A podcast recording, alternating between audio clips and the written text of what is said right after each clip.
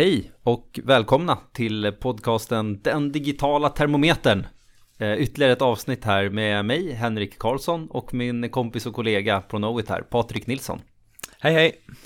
Det här är ju podcasten där vi går igenom en organisations, eh, ska man säga, mognadsgrad och möjligheter i eh, en digital värld och hur väl man har anpassat sig för, för fortsatt utveckling kan man säga.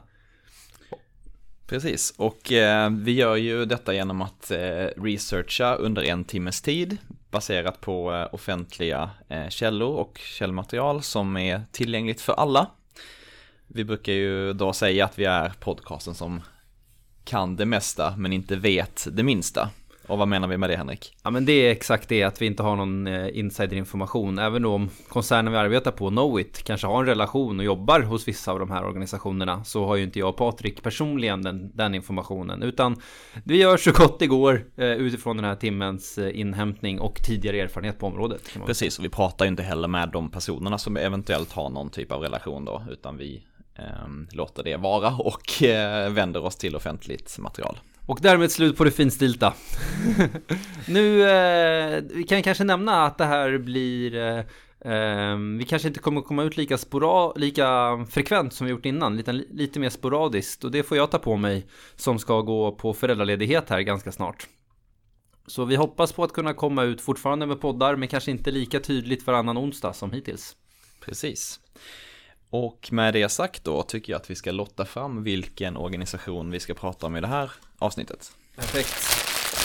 Det får du göra Henrik som ju inte var med här sist. Redan gjort, det blev AstraZeneca. AstraZeneca. Ja, läkemedel, Södertälje. Exakt, och eh, sammanslagning mellan Astra och Zeneca. Eh, Astra som ju var ett Eh, ja, ett framstående svenskt läkemedelsföretag. Jag vet inte riktigt vilken nisch på läkemedel som de har i förhållande till sina konkurrenter med Pfizer och sånt där. Nej, jag har lite dålig koll på deras produktportfölj. Eh, förutom då Losec som man känner till som väl är deras absolut största eh, blockbuster läkemedel genom tiderna. Det kallas ju så. Kallas det för blockbuster läkemedel? Ja, man brukar säga så. Ja. Det, det verkar ju å ena sidan då som att det, ja, Läkemedel är lite känslig bransch kan man tänka sig. För att det är ju folks välbefinnande det handlar om i väldigt stor utsträckning. Eh, så att om man sen tycker att oh, jättebra, nu kan vi, har vi Losec, det är en stor, stor bra produkt. Så är det också att det betyder att det är väldigt många människor som har problem med magsår. Och sen så får de ju mindre problem när de har tagit sin Losec. Bra. Um, har du någon fotbollsliknelse Henrik? Ja, hur ska vi tänka här då? Eh, kanske att det här svensk-brittiska samarbetet, eh, bolag som väl hade lite mer framgångar för ett tag sedan då med Losec, men som nu har gått lite, ja, det taktar på i lite maklig takt kan man säga. Kanske Sebastian Larsson, svensk fotbollsspelare i, i landslaget, eh, uppväxt i Eskilstuna och har ju sen gjort sin karriär via Arsenals eh, ungdomsakademi i London och spelat för en mängd brittiska klubbar och väldigt brittisk i sitt i sitt spelsätt har han väl blivit på det sättet antar jag. Eh, vad, vad innebär det då? Förlåt om jag bryter. Vad innebär att vara brittiskt i, sitt, i sitt ja, spelsätt? Ja men jobba, jobba hårt och eh, lite riskminimerande kan ah, man säga. Okay. Han kommer ju, han var väldigt teknisk när han kom fram. Men har verkligen blivit en duktig fotbollsarbetare kan man väl säga. Eh, med både teknik och vilja och styrka. Brukar man säga att eh, England spelar tråkig i Det, jag, det är någonting jag har hört men jag vet verkligen inte om det är sant. England brukar spela med mycket tempo, väldigt ah, okay. mm. eh, mycket löpningar och framåt, framåt och, och riskminimering. Det kan ju framstå som tråkigt för att då om man, är, om man har bollen långt nere på sin egen planhalva då kanske man bara skjuter upp den och, och så får man jobba lite liksom, där framme istället. Eh, och vissa tycker att det är vackrare då när man mer passar sig fram.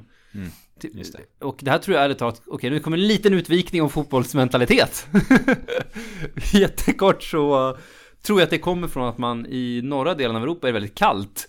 Då kan man inte stå stilla och hålla på och passa till varandra utan då fryser man. Utan därför har uppstått spelsätt som är mer av springa, springa, springa mycket. Eh, medan i södra Europa där det är väldigt varmt, där kan man inte springa, springa, springa mycket. Då har det uppstått spelsätt där man mer står stilla och passar och försöker hitta lösningar på det sättet. Det låter som en rimlig förklaring. Ja, jag, jag tror jag, jag, Den trademarkades här i den digitala termometern. uh, men det kanske finns hopp här nu för AstraZeneca också. Uh, Sebastian Larsson vann ju faktiskt SM-guld med AIK uh, nu i helgen eh, som gick precis och det kanske är också ett tecken på AstraZenecas kommande uppgång, vad vet jag. Vi får väl se när vi ger oss in på researchen då. Men eh, jag tänkte eh, liknelser svensk-engelska eller svensk-brittiska allianser i allmänhet. Så mm. Eh, på fotbollstemat så är ju såklart Svennis en som jag kommer att tänka på. Sven-Göran Eriksson som ju tränade engelska herrlandslaget ett antal år på 2000-talet typ. Helt rätt Patrik!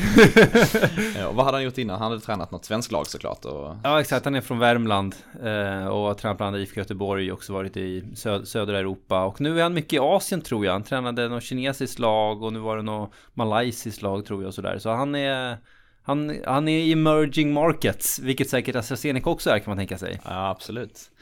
Eh, det finns väl några andra sådana här äh, brittisk, engelsk, eller brittisk, svenska äh, allianser. Jag tänkte nu, nu i somras var det inte så att Hugh Grant gifte sig med en svensk äh, tv-producent, Anna någonting, Anna Eberstein kanske? Jaha, det var häftigt, det känner jag faktiskt inte till. Han är väl i alla fall urtypen av en britt, sen vet jag inte om den här Anna då är urtypen av en svensk, men det är i alla fall någon typ av svensk-brittisk allians då. Eh, men ska vi djupdyka i den här eh, svensk-brittiska alliansen AstraZeneca och se vad vi kan hitta om eh, digitalisering. Perfekt, vi hörs om en timme.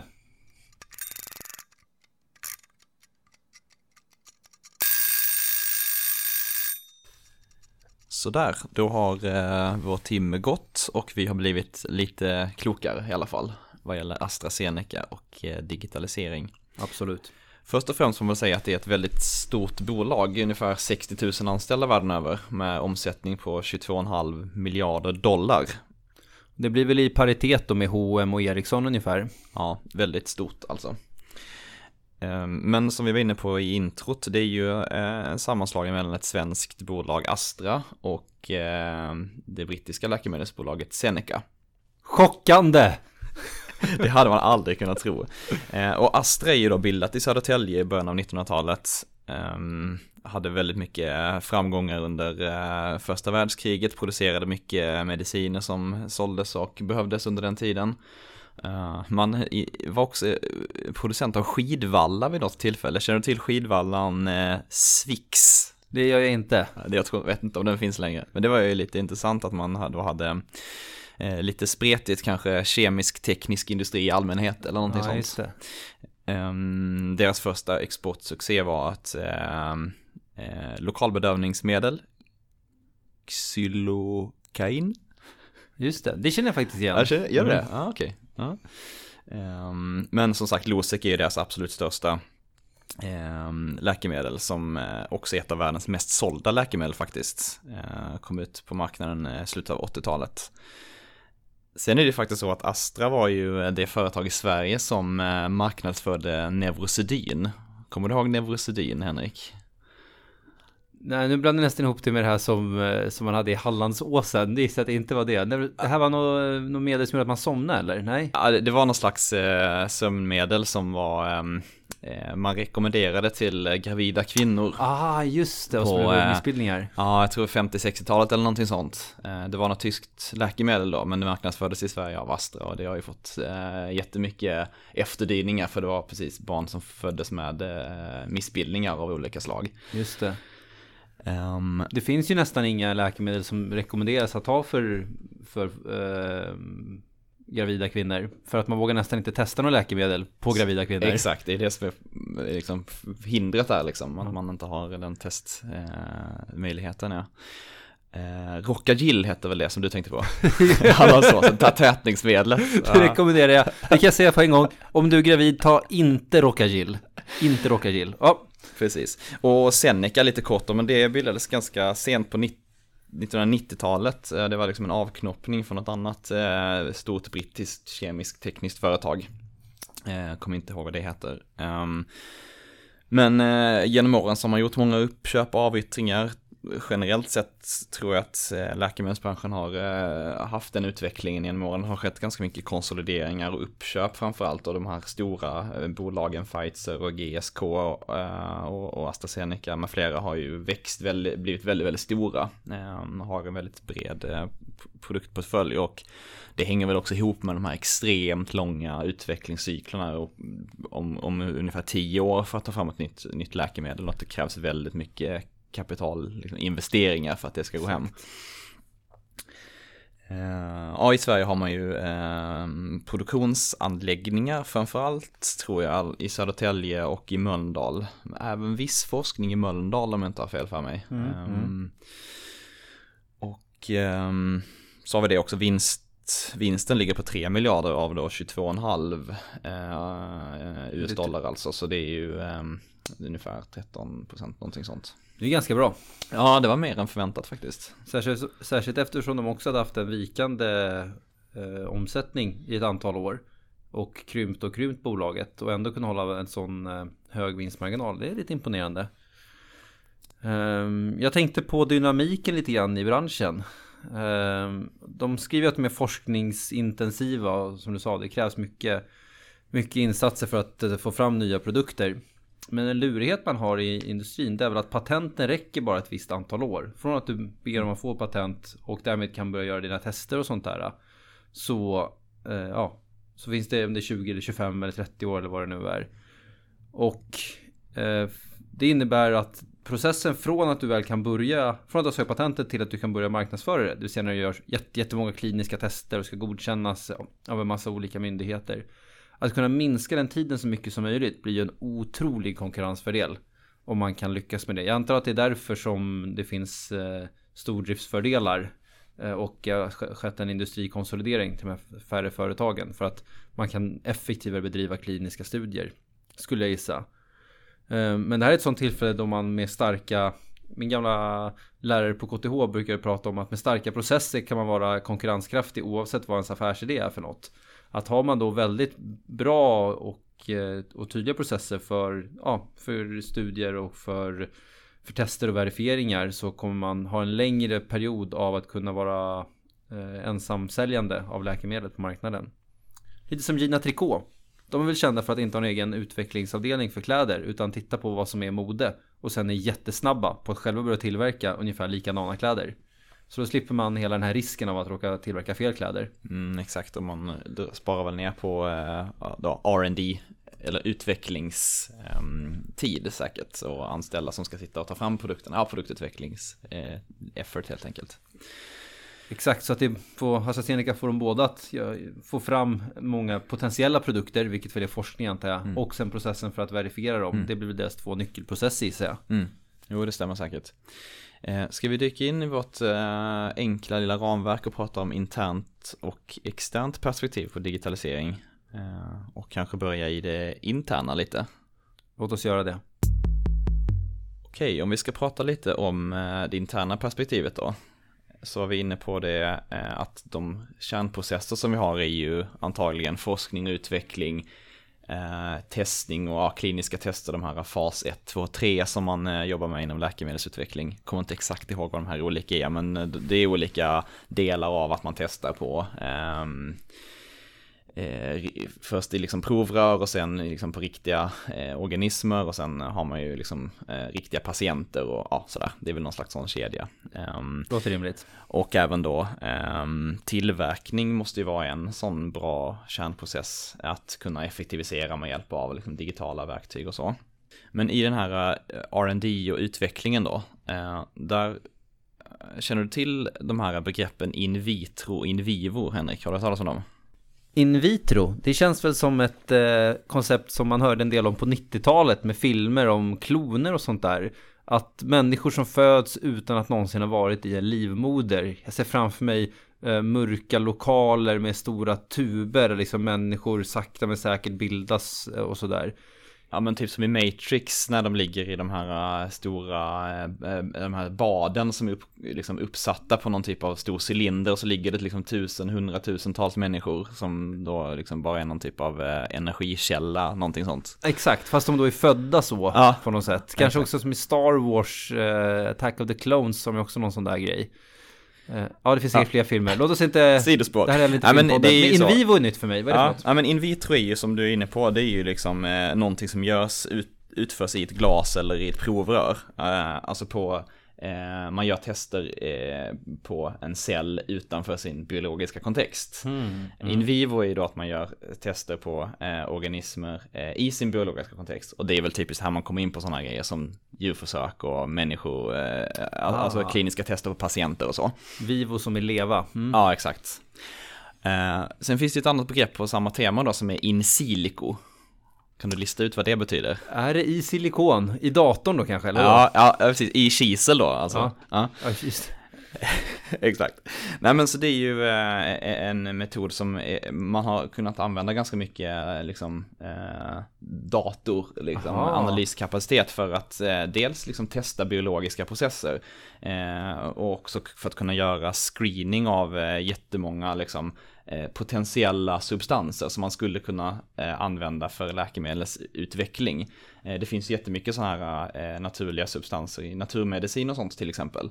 Som man vet har någon typ av verkning, men man vet kanske inte exakt varför eller så. Då kan man liksom screena igenom en massa olika sådana ämnen för att kunna hitta potenta molekyler egentligen, som det ju handlar om, som kan bli läkemedel sen. Så man, det finns ju verkligen en, en bra möjlighet att använda just liksom IT och i eh, liksom datorn som verktyg i läkemedelsutveckling. Men jag fattar inte, har man då en, en modell på något sätt av verkligheten och en modell av det här Alltså en datorbaserad modell av det, här, av det här potentiella substansen. Ja, men... Hur vet man hur de eh, ska reagera? Liksom, har man förprogrammerat det? Jag fattar inte riktigt. Ja men exakt, men det finns ett eh, ganska intressant exempel som eh, jag minns från när jag läste så här, läkemedelskemi för massa, massa år sedan. Jag vet inte hur aktuellt det här är, men det var ett verktyg som heter Foldit. Mm.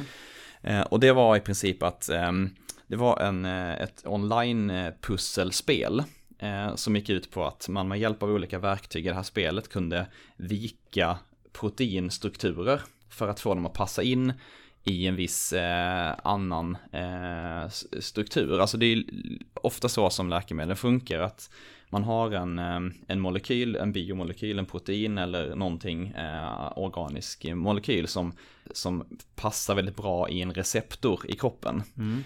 Eh, Ett exempel är Losec som vi nämnde tidigare. Det kallas ju för eh, eh, protonpumpsinhibitor. Ja, det jag tänkte säga. Ja, Eh, och det går ut på att Losec-molekylen sätter sig på en sån här protonpump i magen. Eh, och protoner är ju ja, vätemolekyler som ju, ju högre en sån koncentration är desto surare blir om miljön. Så den är tänkt att liksom stoppa det för att minska surheten i magen och det är det som är poängen med, med Losec då. Ehm, men eh, så, i, det, i det här Foldit-programmet då så skulle man kunna potentiellt hitta sådana här eh, möjliga eh, passningar, saker som passar med varandra. Eh, Och det finns ju viss, såklart en massa olika förutsättningar för hur proteiner kan liksom eh, vikas i verkligheten. Och protein är väl en annan typ av liksom, läkemedel. Det börjar bli stort nu med sådana här protein. Eh, ja, det är ett nytt spår liksom inom så här biomedicin och sånt. Ja. Eller nytt och nytt. Det har väl säkert funnits i eh, 10-20 år. Men det är lite mer komplicerade molekyler i alla fall. Eh, så poängen med det här verktyget var i alla fall att man skulle låta använda världen över eh, försöka hitta eh, möjliga konfigurationer och sen kunde forskare på andra sidan med hjälp av något typ poängsystem för de bäst passande molekylerna distribuerat över alla användare kunna hitta precis vilka man skulle forska vidare på för ett visst ändamål. ja. Eh, och det är ju väldigt eh, liksom, intressant att man då kan använda både liksom, eh, online community, eh, någon typ av eh, eh, gamification kring det här med poängsättning och sånt för att kunna hitta eh, lämpliga liksom, eh, aktiva substanser. Ja exakt, även om jag inte förstår varför man inte då bara kan göra typ en simulering med alla teoretiskt möjliga vikningar på de här protonerna och sen se, eller eh, proteinerna och sen se vad som händer. Jo, men jag, det, så kan man säkert göra. Jag tror bara det, det är väl ett sätt att liksom distribuera ganska komplicerat arbete och kanske det göra det som ett spel. Typ. Ja, Eh, och sen måste man såklart verifiera att de här eh, proteinerna går att vika på ett visst sätt och att de kan vara så i sitt naturliga tillstånd och sådär. Lång utvikning om Folit i alla fall, men Ja. jag tror det finns lite olika sådana grejer och även då liksom internt på läkemedelsföretag så använder man ju ganska mycket så här, tror jag i alla fall, eh, IT-verktygsstöd för att kunna jobba med eh, simulering av olika slag för att hitta aktiva substanser. det skulle jag förvänta mig också, men jag tyckte, vad jag kunde läsa mig till på publika källor så förekom det inte särskilt ofta faktiskt. I, i, eh, i årsredovisningen till exempel, alls särskilt mycket, varken, varken tillväxtområde eller som de nu gör i att digitalisera sin egen verksamhet. Jag vet också att det finns, eh, det, det, finns, det kanske inte är digitalisering men automatisering finns det till och med konsultföretag som hjälper till med att med att automatisera en sån lätt sak som att nu ska man ta den här pipett, man ska ta en pipett och droppa ner ett par droppar i ett antal olika lösningar. Det görs ofta manuellt idag. Att automatisera sådana saker. Det känns som att det är en ganska grundläggande automatisering. Det är nästan att Henry Ford hade kommit med, med det förslaget. Men samtidigt så eh, ser jag det kanske som ett tecken på att man inte är jättedigitaliserad i läkemedelsbranschen. Jag vet inte. Eh, nej men så kan det väl säkert vara, alltså framförallt tänker jag i forskningsprocesserna ehm, eh, och är det ju såklart väldigt mycket manuellt arbete också. Det du pratar om kanske är, är en del av någon typ av produktion, här pipetteringen och så. Ja, just det. Ehm, men jag tror att det är helt enkelt en förklaring till varför det kanske inte är så utbrett eller varför man inte har jobbat så mycket med det. Det är för att eh, hela läkemedels branschen är ju superreglerad. Um, det finns ju massa sådana här standarder som man måste följa, GMPN, det finns säkert massa andra uh, vad gäller just produktion som är jättestrikta med hur man liksom, ja, för man kan ju tänka sig om man liksom eh, pipetterar fel eller att doseringen mm. blir fel i liksom tillverkningen och produktionen. Man måste ju kunna lita på att det läkemedel man tar innehåller exakt 10 milligram av den här substansen, att det inte har blivit fel någonstans i processen. Um, så det, det, är väl säkert en utmaning generellt sett tänker jag med uh, att införa IT-system som är, är liksom en del av kärnverksamheten kring då produktion eller uh, utveckling eller så. Att de måste vara såklart måste alla IT-system som man inför vara genomtestade ordentligt. Men det blir ju ganska stora konsekvenser om det är fel någonstans. Så det är jättemycket så här valideringssteg som man måste gå igenom och så. Det finns ehm. säkert jättemycket krav på, alltså formella krav på de stegen också, på dokumentation mm. av saker man gör. Det borde ju ställa lite utmaningar till hur flexibel man är i sin IT-leverans. Och att man kanske, särskilt om man jobbar med många olika leverantörer så kanske de då vill eh, se till att ha sin rygg täckt på något sätt och att det blir väldigt formella, strukturella och tidskrävande överlämningar mellan leverantörer. Garanterat. Men de verkar väl också ha gått åt, åt det här hållet som jag pratade pratat om tidigare poddar. Att insourca en hel del av sin IT. De tillsatte ju en eh, CIO eh, från eh, Flextronics som jag läste någon intervju med ehm, för ett antal år sedan, fyra, fem år sedan eller sånt där som adresserade just den här frågan med ehm, leverantörsbasen. De hade väldigt många olika leverantörer och det fanns som du var inne på, inte så mycket flexibilitet eller det fanns ingen, eh, det var massa handover points mellan mm. Eh, leverantörer. Om man skulle göra någonting så tog allting väldigt lång tid. Um, han sa ju att han ville att IT skulle vara dubbelt så bra till hälften av kostnaden. Ganska eh, aggressivt och högt siktat mål. Exakt. Jag var lite imponerad över att de har faktiskt verkar gjort en ordentlig IT-strategi. Alltså de har, de har gjort, gjort en observation på vilka utmaningar, styrkor, risker, svagheter man står inför. Eh, och utifrån dessa så har man designat ett antal synkade aktiviteter genom organisationen som bidrar på, på olika sätt åt rätt håll. Så problemet här var att man var, man var långsam och, och ineffektiv och hade många överlämningar. Så då minskade man mängden leverantörer. Man organiserade sig också utifrån affärsenheterna och produkterna. Man förenklade arkitekturen. Man startade ett program för ständiga förbättringar. Och, och ett par ytterligare åtgärder då för att komma närmare verksamheten och närmare förstå vad som behöver åstadkommas från en IT-avdelning. Och eh, det var lite överraskande faktiskt för jag tyckte att strategin som koncernen hade var flum, ärligt talat. Jag har refererat till den här boken Good Strategy, Bad Strategy förut. Det var nästan definitionen på Bad Strategy om jag ska vara ärlig. Att de hade eh, ett av, eh, ett av ett, en del av strategin var att komma tillbaka till en tillväxt. Vad är det för strategi? Det är liksom ett mål kanske. Men så jag får hoppas att de har en bättre strategi internt av hur det här ska gå till. För det kommer ju aldrig uppstå några liksom, några synkade aktiviteter mellan olika delar av bolaget. Eh, vad var nu definitionen av en good strategy igen då? Det är väl att man har tre saker. Dels att man har en ordentlig eh, analys och diagnos av situationen. Eh, var står vi någonstans? Vilka risker står vi inför? Vilka utmaningar står vi inför? Och baserat på den så sätter man lite styrande principer. Vad, vad ska vi göra för att adressera den här äh, situationen vi befinner oss i? Det är den andra biten. Och den tredje biten är att utifrån de styrande principerna så uppkommer ett antal synkroniserade åtgärder genomsyrande hela organisationen. Och eh, exempel på bad strategy då, det är ju att man tar andra saker som inte är eh, som inte hjälper till att hitta de här aktiviteterna genom hela organisationen. Utan då att vi ska växa. Vi ska ha 10% marginal och växa med 10% varje år. Mm. Det är inte en strategi, det är ett mål. Mm. Och för många företag nöjer sig med att bara liksom göra ett sånt mål. Och så finns det ingen vettig strategi. Sen kan ju strategin kanske vara fel. Alltså man har fattat fel principer. Och, och det, men, men det är helt okej. Okay. Det är fortfarande en good strategy. De har gjort ett strategiarbete ordentligt. Och sen faller inte alltid exakt rätt ut. Det är okej. Okay. Är det bättre att ha en dålig strategi, eh, eller en, en good strategy som är fel, än att inte ha någon strategi alls? Jag tror att eh, det som den här författaren då, eh, som har skrivit boken, pekar på är att nästan alltid man väl har en good strategy så blir den också, eh, blir det ett bra utfall.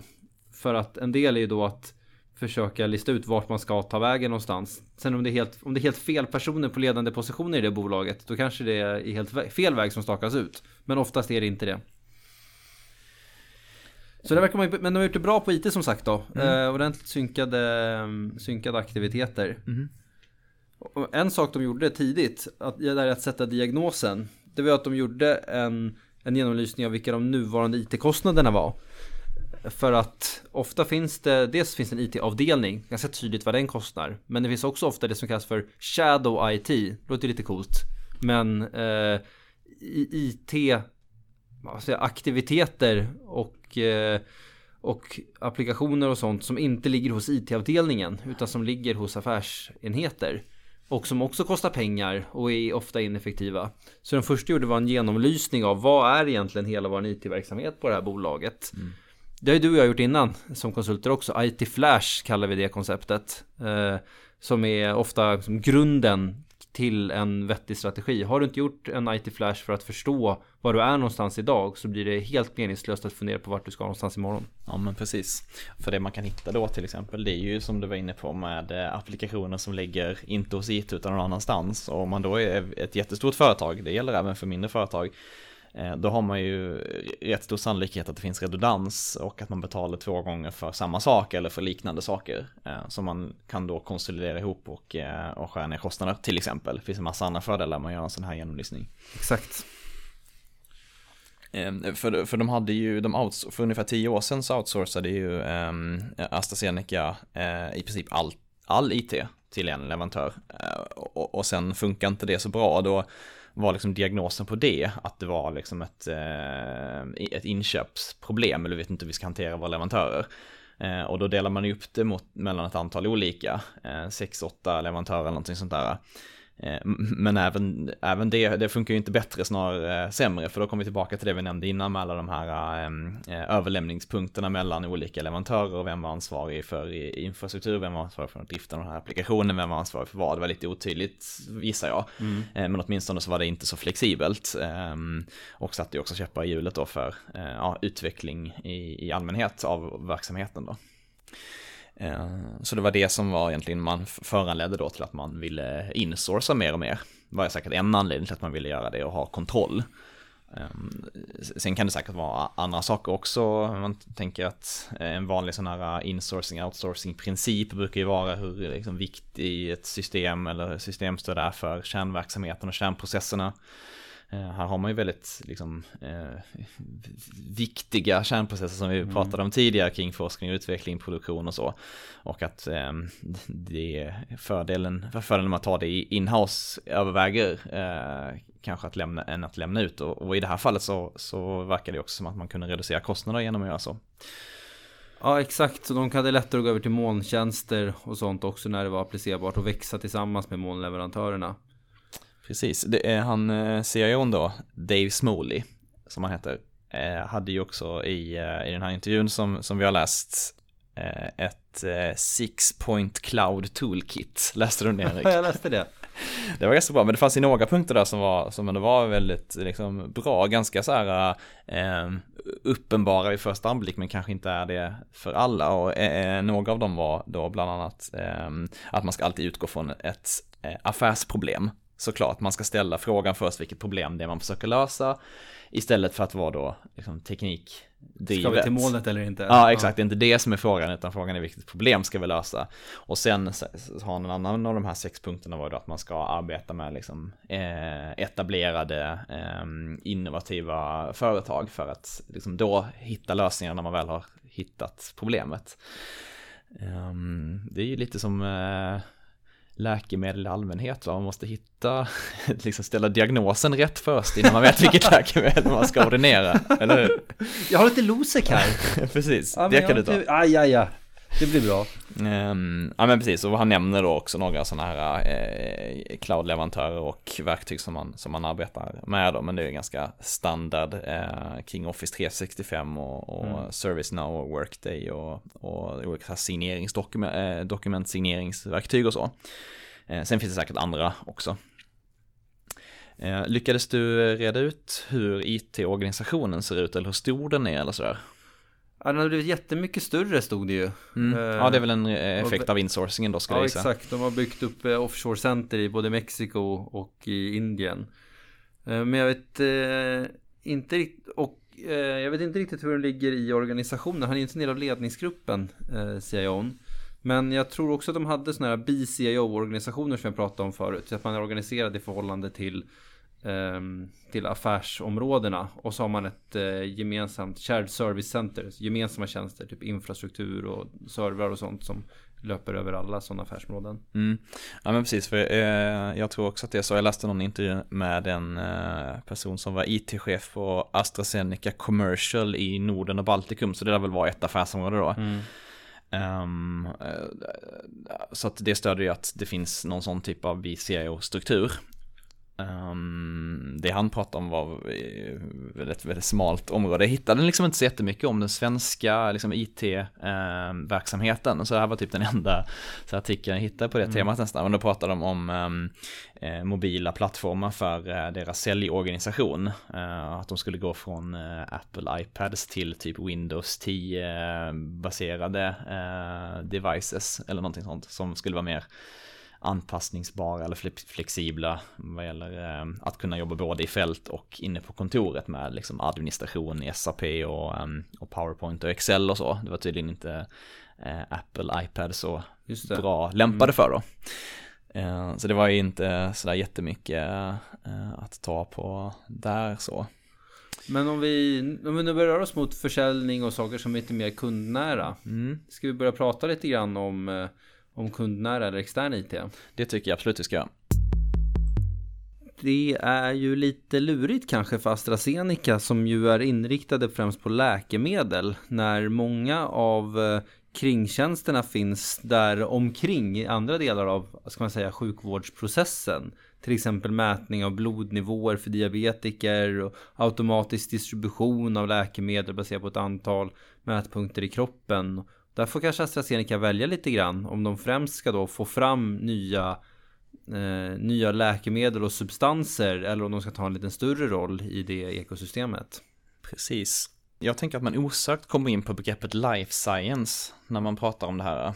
Så som jag har fattat life science då, eh, det är ju att eh, det är väl någon typ av liksom tvärvetenskapligt förhållningssätt till eh, allting som har att göra med eh, liksom studier av biologiskt liv och levande organismer och liksom inre och yttre förutsättningar för typ liv ja, i allmänhet. Och, och, då innefattar det liksom farmakologi och medicin och eh, biologi och ja, fysiologi och di, alltså diet och sådana grejer, mm. eh, vad man äter. Men att det också finns en, eh, en komponent som är då eh, tjänster kring hälsa och välmående, som du var inne på lite, alltså hur liksom eh, hur ser hela sjukvårdsprocessen ut och det behovet som, eh, patient, som patienten har som inte bara är då läkemedel utan allting runt omkring okej, okay, hur ska då AstraZeneca eh, förhålla sig till det? De har ju, eh, vad kallar de det, AstraZeneca Exchange, eller läste de det? Nej. Jag tror att det var någon, någon grej som de kör i, i, i Sverige eh, kring just life science där man bjuder in eh, olika eh, representanter från både industrin, antar jag då, läkemedelsindustrin i allmänhet, folk från liksom, akademin då, liksom universitet och sådär och även eh, liksom offentlig verksamhet kring då just det, men landstingen skulle gissa som driver sjukhusen för att eh, ha ja, men forum och diskussioner kring life science. Det där lär man ju såklart göra i någon typ av marknadsföringssyfte, men det är liksom en indikation då på att man liksom tar något typ av eh, utåtblickande i alla fall eh, perspektiv på vad, vad finns det mer än bara själva läkemedlet. Just det. Men jag tänkte, för att spinna vidare på det. Varför ska man begränsa sig till att bara ha läkemedlet? Tror du att det finns någonting här i att liksom att ta att AstraZeneca själva får en nära relation med patienter, närmare relation med patienter. Alltså, mm, eh, jag tänker på liknelsen med Starbucks som ju från början var ett, eh, Ja, oh, det var dels en retailer men, men det var kanske ännu mer en eh, eh, kaffeböns eh, grossist kan man väl säga kanske. De här aro, vad heter det, tror jag, mm. tror jag det var. Och sen så hittade de ett, eh, ett koncept som funkade. De pröstade sig fram ett antal iterationer, hittade ett koncept som funkade i att servera det här kaffet på lite nya sätt då. I USA framförallt och sen har det spritt sig till resten av världen. Uh, att en, en, heter det, en vertikal integration när man gör andra delar av värdekedjan. Skulle AstraZeneca då kunna vara dit man går när man är sjuk? Och istället för att ringa Kry eller gå till vårdcentralen så går man till AstraZeneca vårdcentralen. Ja, det finns ju faktiskt ett, ett eh, exempel som är typ det här. Um, jag läste en intervju med um, en kvinna som heter Elisabeth Egan, eh, tror jag att det uttalas, som är Executive Director Global Digital Strategy and Innovation på AstraZeneca. Ja. Eh, som var väldigt intressant. Hon pratade bland annat om eh, patientorienterade digitala initiativ och hur man liksom kan eh, sam, samskapa, jag vet inte om det är rätt ord, co-create på engelska, samskapa, ja, eh, med, med, liksom med, patienter för patienter som man uttrycker det. Men det, det finns ett ganska intressant ehm, eh, exempel då, det är eh, att de har startat något som kallas för DIG, eller DIG-modellen, som står för Digital Innovation Group, där AstraZeneca då har ett samarbete med ett företag som heter Digitas LBI tror jag. Ja, äh, något digitalt marknadsföringsföretag. Ehm, eh, ehm, men eh, då har de liksom tillsammans utvecklat en ehm, digital coachingtjänst som kallas för Day by Day. Har du talat om den? Nej. Um, jag, jag, vet inte om det finns i Sverige, jag fattade som att det nog var mer från den amerikanska marknaden. Um, men, men, syftet med det är att uh, man hjälper patienter som har, haft, uh, har, har, drabbats av hjärtinfarkt att uh, liksom få motivation och coaching i sin återhämtning. Just det. så det, det, det, är någon typ av, um, det, det, fanns ett annat företag som hette Vida Health som redan hade någon typ av sån här coaching-applikation och tjänst som man då använder sig av för att eh, bygga in i den här day by day eh, som då antar jag handlar om att, men hur kan man liksom optimera både liksom sitt liksom medicinintag och sådär så att man inte slarvar med att ta hjärtmedicinen efter man har drabbats av det här. Mm. Eh, men samtidigt också då få den här liksom coachingen. Ja, pepp var, kanske? Ja, men kanske lite pepp och även verkar det finnas liksom någon typ av socialt community där man kan dela liksom videos och sånt. Eh, men också tillgång till liksom eh, publikationer på temat och sådär. Men framförallt då någon typ av personlig coaching via en digital plattform. Om jag fattade saken rätt. Och det är lite som du säger, det här med kry och så. Att det, är, mm. eh, det är också så man vänder sig till när man liksom är, är sjuk. Sen vet jag inte om det här liksom då ersätter liksom ens primära vårdkontakt eller någonting sånt. Men det är i alla fall att man liksom tar eh, grunden som då är liksom den här hjärtmedicinen och bygger på någon typ av digital liksom, tjänsteleverans kring det. Alltså det, det är ju det, är det som vi nästan alltid återkommer, vad är liksom Exakt. digitalisering? Ja men det är ju även då i liksom, eh, vad heter det, läkemedelsindustrin så är det också att ta kärnprodukten och bygga, bygga kringtjänster på det. Och jättebra för AstraZeneca att få lite potentiell direktkontakt också då med patienter. Förutom att, de, att det skrivs ut medicin till patienterna. Men att själva kunna äga lite av det. Ja, exakt. För poängen var också att man skulle då involvera patienten i eh, beslutspunkter som rör personens eller patientens eh, hälsa. Eh, och det gör man ju, eh, ja men förut var det ju egentligen bara läkaren som visste. Eh, men nu kanske det är mer så folk i allmänhet är mer liksom pålästa, man har mer data att utgå ifrån. Mm. Eh, så man kan vara med liksom och, och, bestämma kanske lite mer i processen också. Det är ju en sån my, eh, möjliggörare då med digital teknik då. Vad tycker du om eh, uppkopplade läkemedel kanske är fel, men läkemedelsorienterade produkter, typ astmainhalatorer och sånt där. Där man kan få tips om hur, ja, kom ihåg att det är dags att ta det nu igen och det kan mäta hur väl du tar upptaget och sånt. Men, men det måste väl vara eh, jättebra. Um, för jag, jag tänker att en del i att eh, en lyckad behandling är ju vad jag har förstått eh, som i alla fall nu inte jag utbildad inom medicin här va? va? Men eh, det är ju att man liksom tar rätt doser vid rätt tid. När det gäller just själva läkemedelsbiten eller komponenten i, i sin behandling så är det ju väldigt, väldigt viktigt. Och om alla verktyg och hjälpmedel som kan få en att göra det på ett bättre sätt måste ju vara liksom gynnande för hälsan, tänker jag. Finns en etisk diskussion att ha här? Vem får tillgång till sånt där? Absolut, det gör det ju såklart. För att jag gissar att i AstraZeneca-fallet så är det såklart deras syfte med eh, den här typen av, liksom, jag vet inte om, om de har just så här eh, astmainhalatorer eller insulinsprutor eller någonting sånt där man kan mäta och få datapunkter. Eh, men eh, om man har det så är ju syftet med det för att kunna, antar jag, bli bättre, göra bättre produkter som i sin tur handlar om att tjäna mer pengar. Det är tillbaka till det där etiska dilemmat liksom, som är inbyggt i hela branschen egentligen. Det vill säga, hur, är det rätt att tjäna pengar på folks ohälsa? Just det, just det. Eh, så det finns absolut en etisk diskussion att, att ha eh, om det. Eh, Där fick mig att tänka på den här uh, Martin Shrekley. Vet du vem Martin Shrekley är? Nej, jag vet vem Shrek är.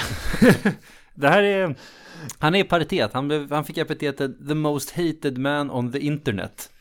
Det, det är inte ett jättebra epitet att ha, men jag, jag tror att han, han, det är någon gammal hedgefund-kille. Han kanske sitter i fängelse nu för bedrägeri eller så. Uh, men han köpte upp rättigheterna till ett läkemedel som heter Daraprim, som används av aids-patienter. Och så höjde han priserna med 5000 procent. Ja.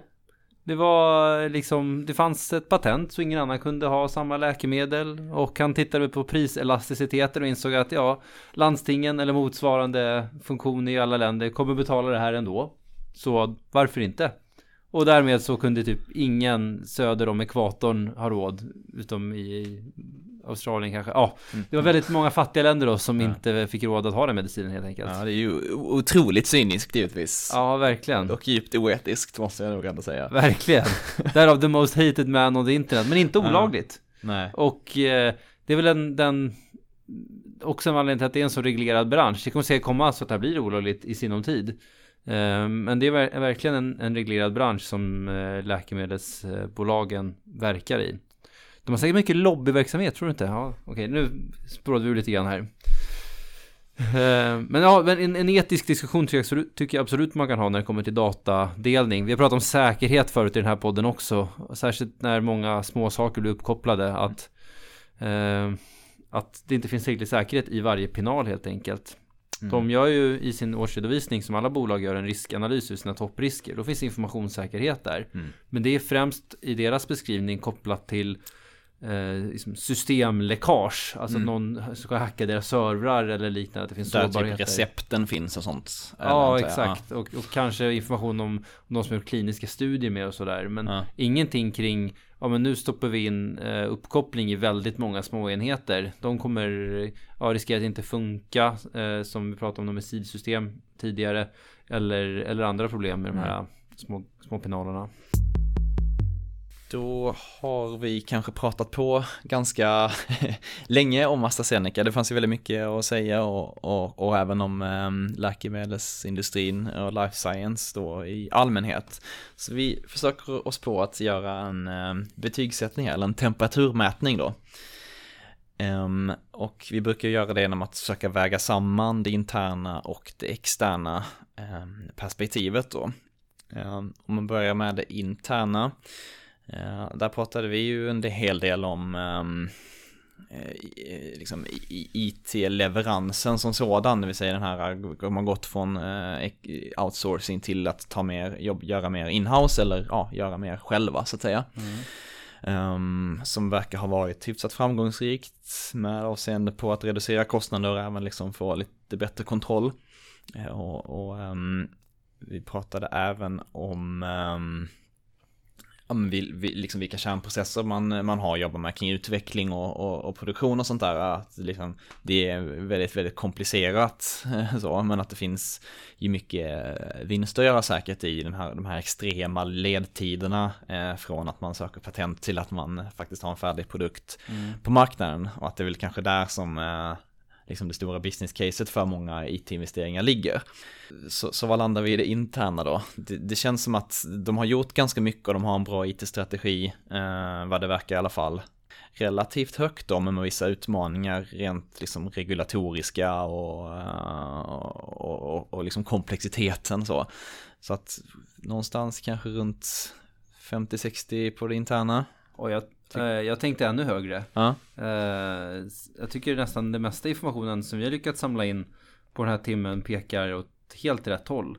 Jag var inne på att kanske internt skulle ligga 85-90 eller något sånt till och med. Eh, däremot så är jag lite, ställer jag mig frågan till det externa perspektivet för just AstraZeneca. Jag, så, jag sökte på ordet digital i deras årsredovisning som ändå är några hundra sidor lång. Förekom sex gånger. Vilket är det lägsta jag någonsin har sett faktiskt. Mm. Eh, när vi gjort den här typen av, av undersökningar av organisationer. Och det får mig att tro att ja, men hur mycket tänker de egentligen på nya affärsmodeller?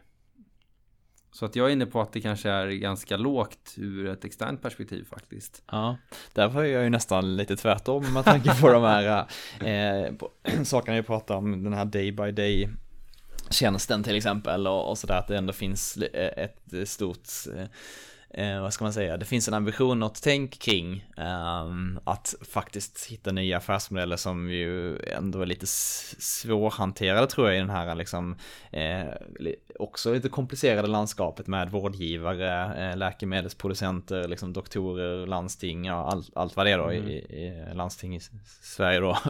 Jag vet inte om det finns landsting i ett annat land, det gör det säkert, jag är ingen statsvetare. Men i alla fall att eh, man ändå har lyckats hitta några sådana där eh, lite mer eh, innovativa eh, liksom affärsmodeller. Mm.